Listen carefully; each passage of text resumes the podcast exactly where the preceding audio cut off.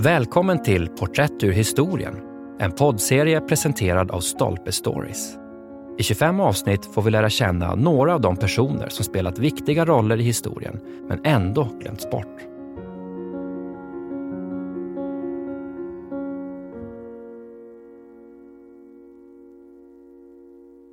Jesse Ventura, fribrottarguvernören som banade väg för Trump.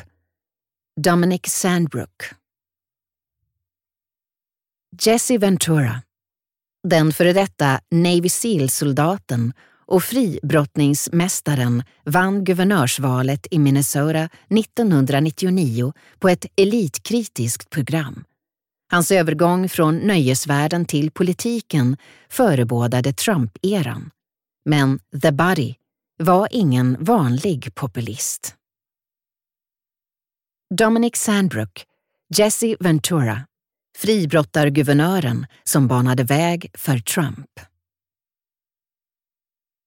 Det här är historien om en populistpolitiker som trädde fram ur spelhallarnas, skvallerspalternas och de sena pratshowprogrammens braskande, sjaskiga värld och vann hundratusentals vanliga amerikaners stöd.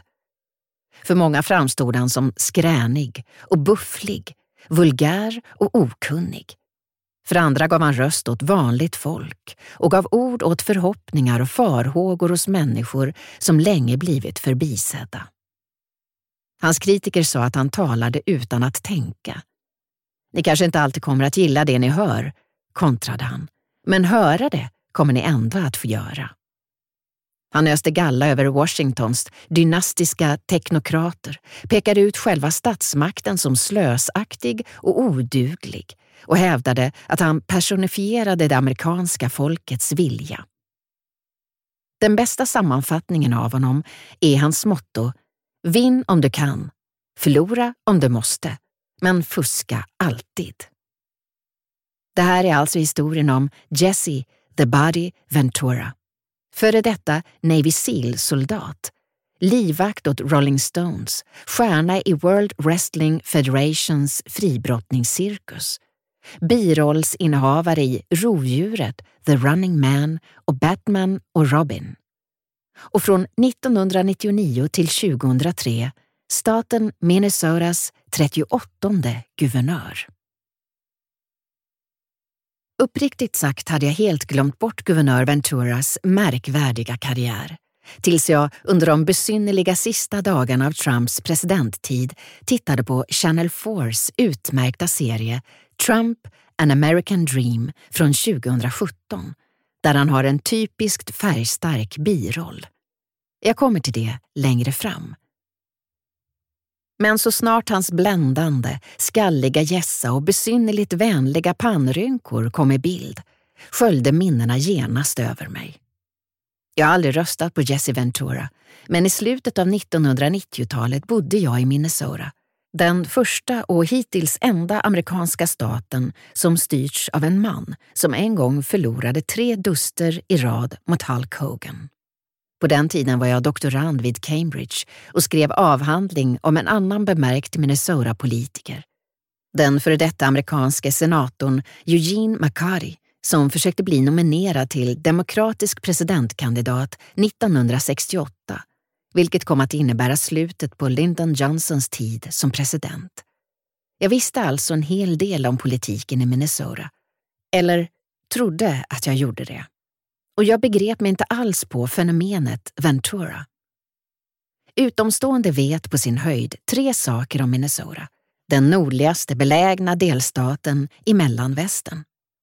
För det första är det antagligen den mest nordiska av alla amerikanska stater, präglad av sina mycket höga nivåer av norsk, svensk och finsk invandring. Den politiska kulturen känns också mer nordisk, Många gillar att jaga och att äga vapen, men de har röstat på demokratiska presidentkandidater i varenda val sedan 1972. För andra brukar Minnesota betraktas som väldigt dystert. Och ska jag vara ärlig är det inte alldeles orättvist. För det tredje, slutligen, anses det allmänt att de som bor där har en mycket hög livskvalitet, som det anstår invånarna i ett amerikanskt Skandinavien. Det är lugnt, det är fridfullt, det är rent. Det är en aning tråkigt faktiskt. Hur kunde man då i Minnesota, av alla ställen, rösta på en fribrottare? Hur kunde man i en stat som hyser Democratic Farmer Labour Party, berömt för att ha fostrat liberala förebilder som vicepresidenterna Hubert Humphrey och Walter Mondale, rösta på Jesse Ventura? Vad var det som pågick? Sett i backspegeln framstår parentesen med Ventura självklart som ett förebud om det som komma skulle. Det kan tyckas som om den före detta brottaren inledde det kommande populistiska angreppet på det gamla etablissemanget. Men om det stämmer väcker det en del intressanta frågor om den nya populismen. Vi börjar med Ventura själv.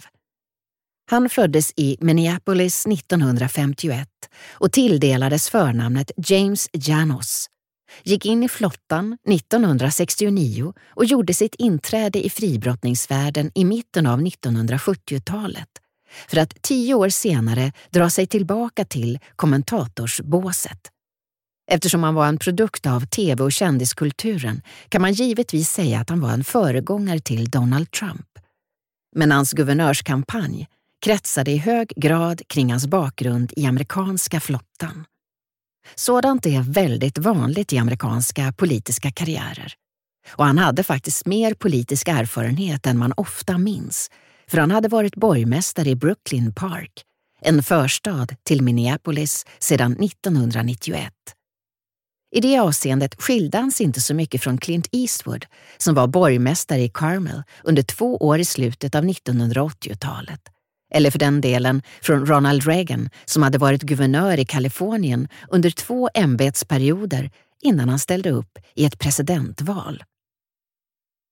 Allt detta är en nyttig påminnelse om att erfarenhet av film och tv är en stark politisk tillgång. Venturas kritiker hånade honom och sa att han bara var en brottare. Precis som Reagans kritiker alltid påpekade att han bara var en skådespelare. Men för många vanliga arbetarklassväljare är fribrottning och skådespeleri utomordentligt respektingivande, inkomstbringande och ambitiösa sysselsättningar. På båda områdena måste man vara bra för att slå sig fram. Begåvad, disciplinerad, pålitlig. Och Venturas jobb som brottare var inte bara att slåss. Som medlem av WWF, World Wrestling Federation, gestaltade han i grunden en skriven roll. Han arbetade med regissörer och producenter, var tvungen att memorera repliker och rörelser och skulle hålla liv i en scenpersonlighet. Skurken som publiken älskar att bua ut. I tv-åldern påminner det mycket om att kandidera till ett ämbete. Men Ventura var också intressant för vad han inte var. Han var inte öppet ideologisk. Han kallade sig ekonomiskt konservativ och liberal på det sociala planet och gjorde en dygd av att vara dubbelbottnad. Till skillnad från Trump försökte han aldrig dra några växlar på rasmotsättningar. Idag är Minnesota över hela världen känd som delstaten där George Floyd dödades. Men med amerikanska mått har man haft förhållandevis lite rasbråk genom historien. Delvis på grund av att andelen svarta invånare är så låg, till och med nu mindre än 6 procent. Ventura utövade inte heller någon särskilt stark lockelse på eftersatta grupper. Faktum är att Minnesota är en relativt välmående stat, den trettonde rikaste i landet. Studerar man valdata finner man att hans seger i november 1998 vilade på en anmärkningsvärt bred och brokig koalition och att han hade sitt största stöd i ytterområdena runt tvillingstäderna Minneapolis och St. Paul.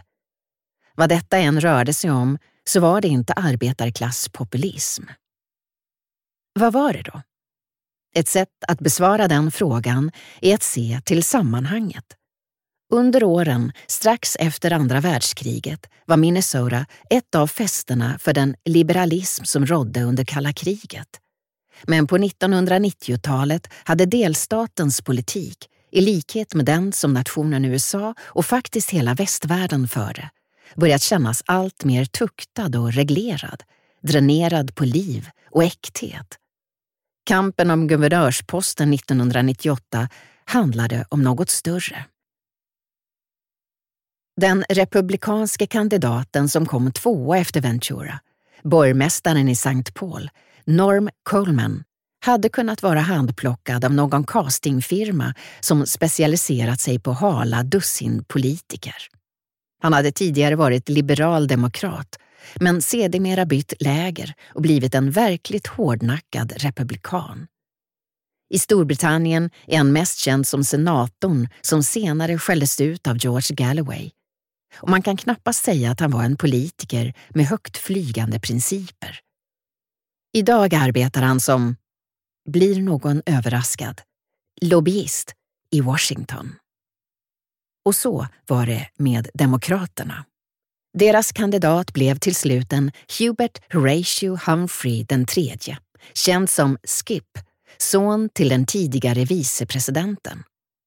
Bland de konkurrenter han besegrade i nomineringsprocessen fanns Ted Mondale, son till en annan tidigare vicepresident, och Mike Freeman, son till en tidigare guvernör. Alla män är naturligtvis son till någon men det här var ändå att driva den dynastiska politiken till ytterligheter. Varför skulle väljarna mot bakgrund av detta inte törsta efter något annat? Varför skulle de inte leta efter någon som talade som dem? Som lovade att skaka om hela systemet och säga det osägbara. Här kom Ventura in i bilden. Som guvernörskandidat var han den mest otippade av alla otippade vinnare med en budget på endast 300 000 dollar. Men hans slagord, rösta inte på den gamla vanliga politiken, slog an och hans sätt att lyfta fram små lokala händelser stod i skarp kontrast mot konkurrenternas tv-sända förförelsekonster. Dessutom var hans kampanj rolig, vilket inte hörde till vanligheterna. Titta bara på hans avslutande kampanjfilm som finns på Youtube. Kameran sveper över vad som ser ut som en grekisk skulptur. En naken man, vältränad och muskulös. The Mind, intellektet, lyder en jättelik rubrik medan en kommentatorröst säger att han kommer att ge skattebetalarna mer i plånboken och förbättra skolan och att han inte tar emot några ekonomiska bidrag från särintressen. Sen drar sig kameran bakåt. Det är såklart Jesse, The Body. Humorn är den mest permanent underskattade av alla politiska dygder. Vad Donald Trump än har för brister så ägnade han en stor del av karriären före tiden som president åt att driva med sin egen image och hans kampanjmöten var i stort sett ingenting annat än förlängda ståuppnummer. Boris Johnsons sinne för humor, som gör hans kritiker ursinniga, förklarar varför så många vanliga människor blir glada över att se honom och tycker att han är så lätt att relatera till. Och många Minnesota-bor blev långt ifrån bortstötta av Venturas märkliga kombination av barsk hetsighet och gemytligt lättsinne, utan tyckte ganska bra om den. Ja, hur många andra guvernörer skulle efter att ha mött Dalai Lama säga jag ställde honom den viktigaste frågan som jag tycker att man kan ställa, om han hade sett tom i bollen. Till och med Venturas fadäser passade in i mönstret. Han ansåg att marijuana borde bli tillåtet och ivrade för legaliserad prostitution. Han sa att USA borde sluta utkämpa krig i utlandet, förkastade embargot mot Kuba och var bitter motståndare mot kriget i Irak.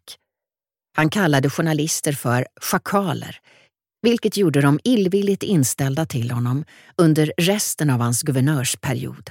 Och han sa att organiserad religion är en bluff och en krycka för viljesvaga människor. Vilket fick de flesta förstå sig påre att slita sitt hår och riva sina kläder av förfäran. Men i likhet med Boris Johnsons förmodade fadäser förstärkte Venturas anmärkningar i förbigående bara intrycket av äkthet. Och han inte bara sa vad han tänkte, utan gjorde en dygd av det faktum att han ofta inte hade en aning om vad han pratade om. Jag berättar hur jag ser det. Jag säger sanningen. Och om jag inte känner till en sak så säger jag det. Var Ventura en jättebra guvernör? Nej. Var han en jättedålig guvernör? Nej, han var lagom bra. Livet i Minnesota gick vidare, ungefär som det alltid gjort. Han ogillade utan tvivel uppmärksamheten i pressen och drog sig tillbaka efter en period. Men 1999, efter ungefär halva tiden i guvernörsresidenset, fanns det en stark känsla av vad månde bliva? När primärvalsäsongen år 2000 närmade sig kontaktade Ventura en gammal kompis från fribrottningsvärlden och frågade om han kunde tänka sig att bli presidentkandidat för Reform Party. Kompisen var Donald Trump, vars kasinon i Atlantic City hade haft ett samarbete med WWF sedan slutet av 1980-talet. Och till en början älskade Trump idén. Som han förklarade för Larry King hade han och Ventura mycket gemensamt. Han hade blivit allt mer liberal, sa han, och han kände särskilt för allmän sjukvård. Han gjorde till och med upp en lista över sina blivande kabinettsmedlemmar. Oprah Winfrey skulle bli vicepresident och John McCain försvarsminister. Men Trumps kandidatur rann ut i sanden. Venturas kommentarer om organiserad religion gjorde många anhängare av Reform Party upprörda.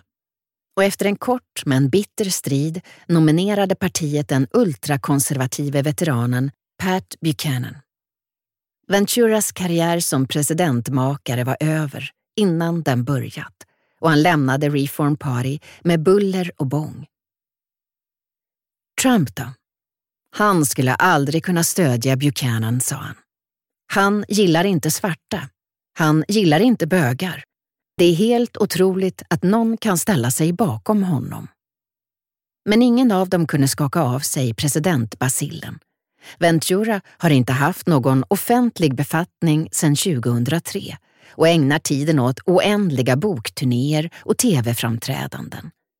Men han umgicks med tanken på att ta sig till Vita huset som libertarian 2016 och nominerades av Green Party of Alaska 2020. Han fick endast 0,7 procent av rösterna i Alaska. Och den andra? Den historien känner ni ju till. Dominic Sandbrook är historiker och mest känd för sina böcker om efterkrigstidens Storbritannien. Han har varit presentatör av många tv-dokumentärer på BBC och är krönikör på Daily Mail samt gästprofessor i historia vid King's College i London.